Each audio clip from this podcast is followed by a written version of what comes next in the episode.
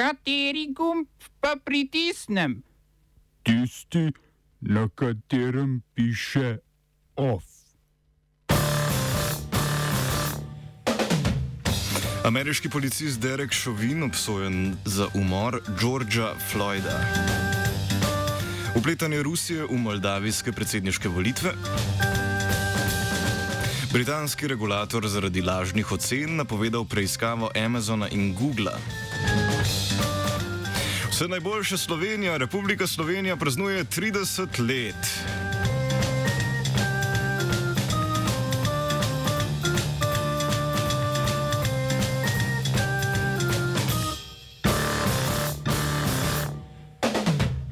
Dobrodan, Derek Šovin, nekdani policist iz Minneapolisa, ki je 25. maja lani umoril temnopoltega američana Georgea Floyda, je bil na prizivnem sodišču v Minnesoti obsojen na 30-letno zaporno kazen. Porota je odločila, da je Šovin, potem ko je Floyda 9 minut in 29 sekund zadrževal s klečanjem na njegovem vratu, kriv v vseh točkah obtožnice umora druge in tretje stopnje. Glede na minnesotsko kazensko zakonodajo v zaporu najverjetneje odslužil le dve tretjini kazni, ob zglednem vedenju pa bi lahko preostanek odslužil v priporu na prostosti. Floydova smrt je sprožila val protestov proti rasni neenakosti in policijskemu nasilju v ZDA in tujini, sojenje Šovinu pa je bilo preizkus policijske odgovornosti.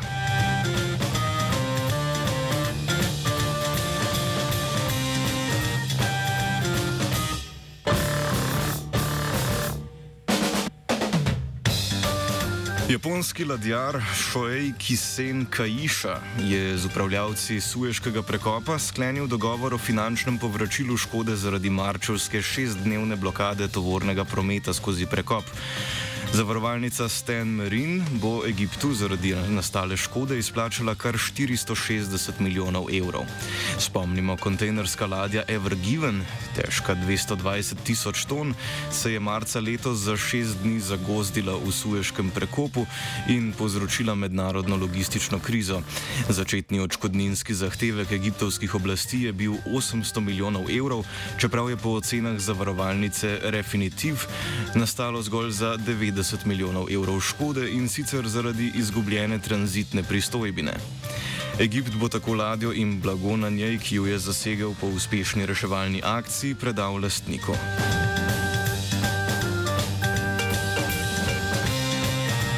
Rusija naj bi z 11 milijoni evrov podprla volilno kampanjo Igorja Dodona, nekdanjega moldavijskega predsednika in voditelja socialistične stranke PSRM pred lanskimi predsedniškimi volitvami. Po poroščanju nemškega tabloida Bild, ki je razkril diplomatske depeše, naj bi Rusija denar namenila prijateljskim kandidatom za povečanje svoje vloge v Srednji Evropi.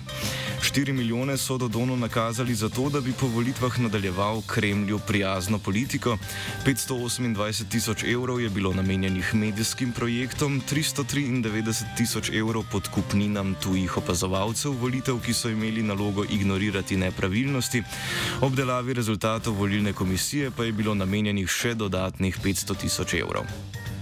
Lanske predsedniške volitve je Dodon sicer izgubil proti Maji Sandu, kandidatki proevropske stranke Akcija in Solidarnost.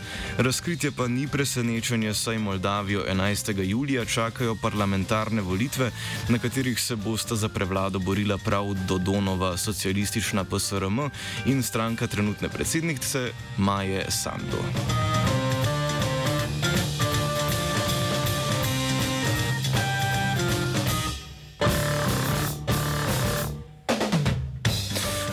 Voditeljev Evropske unije je zavrnil skupni poziv nemške kanclerke Angele Merkel in francoskega predsednika Emanuela Macrona k nujnemu srečanju voditeljev Evropske unije z ruskim predsednikom Vladimirjem Putinom. Idejo je podprla večina voditeljev srednje evropskih držav, nasprotovale pa so i države vzhodne Evrope. Zadnje to vrstno srečanje je sicer potekalo pred sedmimi leti, januarja 2014. Evropska unija je srečanja prekinila marca 2014 po ruski priključitvi ukrajinskega polotoka Krim. Je pa vrh EU prinesel nov dogovor o tako imenovani pomoči Turčiji za zaustavitev migracij. Gre za potrditev nadaljevanja obstoječega dogovora s Turčijo, po katerem ta država zadržuje begunce iz Sirije in drugih držav na Bližnem vzhodu ter z drugih koncev Azije, naprimer iz Afganistana, v zameno seveda za evropski denar.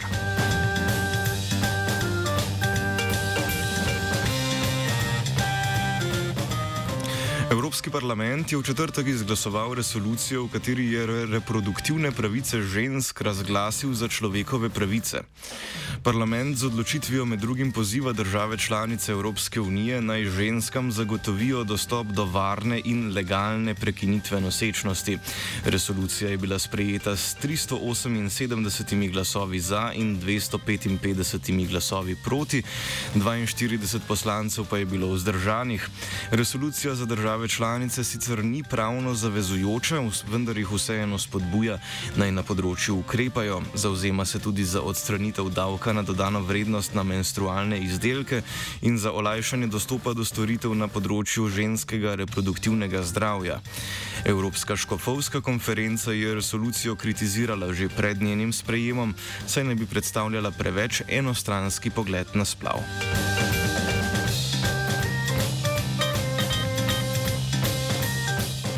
Za otroke je šlo tudi na skrajnem koncu Iberskega polotoka. Gibraltarci so na referendumu potrdili reformo zelo restriktivne zakonodaje o splavu. Spremenjena zakonodaja, ki bo nekoliko bolj liberalna, bo še vedno zelo stroga, saj dovoljuje splav v prvem trimesečju, če je ogroženo fizično ali duševno zdravje nosečnice ali ob poškodbi fetusa. V strogo določenih izjemnih primerjih bo prekinitev nosečnosti dovoljena tudi kasneje. Sedanja zakonodaja zakonodaja splav prepoveduje z grožnjo do smrtnega zapora, zato so ženske iz Gibraltarja na splav odhajale v Španijo in Veliko Britanijo. Spremembe je podprlo 62 odstotkov od dobre polovice volilnih upravičencev, ki so se udeležili referenduma.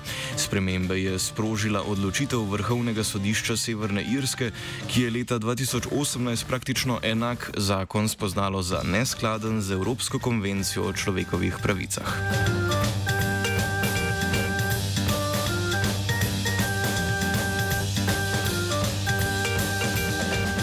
Britanski varuh konkurence CMA je danes začel preiskavo proti ameriškima tehnološkima velikanoma Amazonu in Googlu zaradi pomislekov, da na svojih spletnih mestih dopuščata lažne ocene.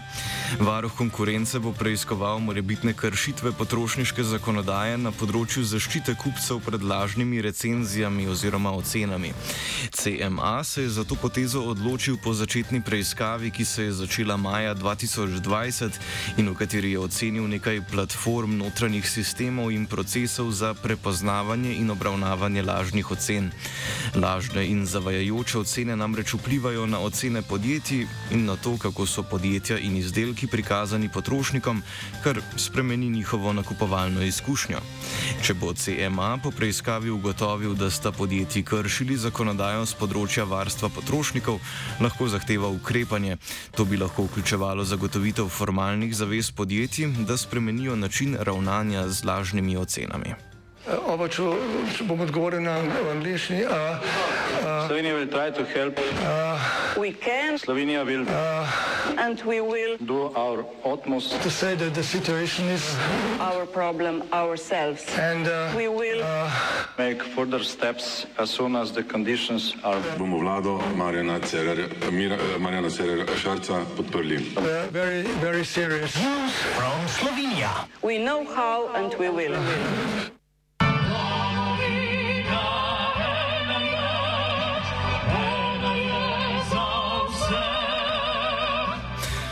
Pred natanko 30 leti je slovenski parlament po burnih razpravah in glasovanjih o samosvojitvenih zakonih, med katerimi so bili najpomembnejši sprejeti le z nekaj glasovi pičle demosove večine, s potrebno dvotretinsko večino le sprejel ustavni zakon za uresničitev temeljne ustavne listine o samostojnosti in neodvisnosti Slovenije, s katerim je Slovenija prevzela pristojnosti prejšnje federacije na svojem ozemlju.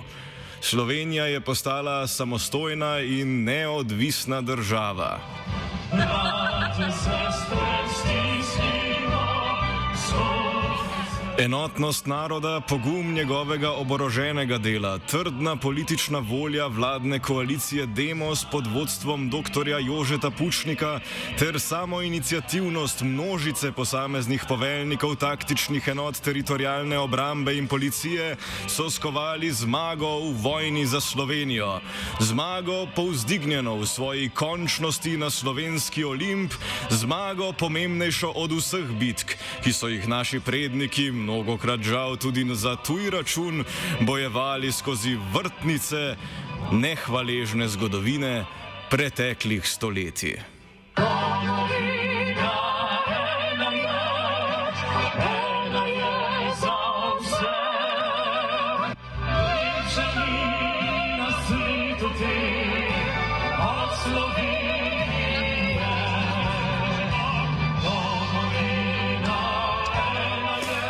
Ko smo stopili na pot samostojnosti, smo vedeli, da ne bo lahko, a nas je vse gnala naprej srčna želja, ki nam je dajala pogum in vero, da je vse, kar delamo, prav in dobro.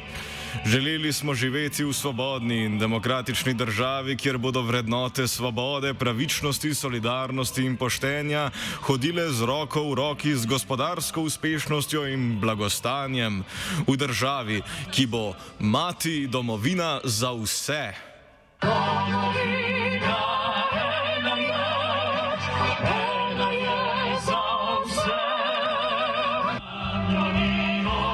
Želim si, da bi ob našem največjem prazniku z vseh domov naši ljubi domovini v poklon ponosno plapolale slovenske zastave, da bi v poletnih dneh, ki so pred nami, odkrivali njene doslej skrite lepote in spoznali, kako čarobna je v glas zvonov rojena, dana od Boga, nam ustvarjena vse najboljše Slovenija.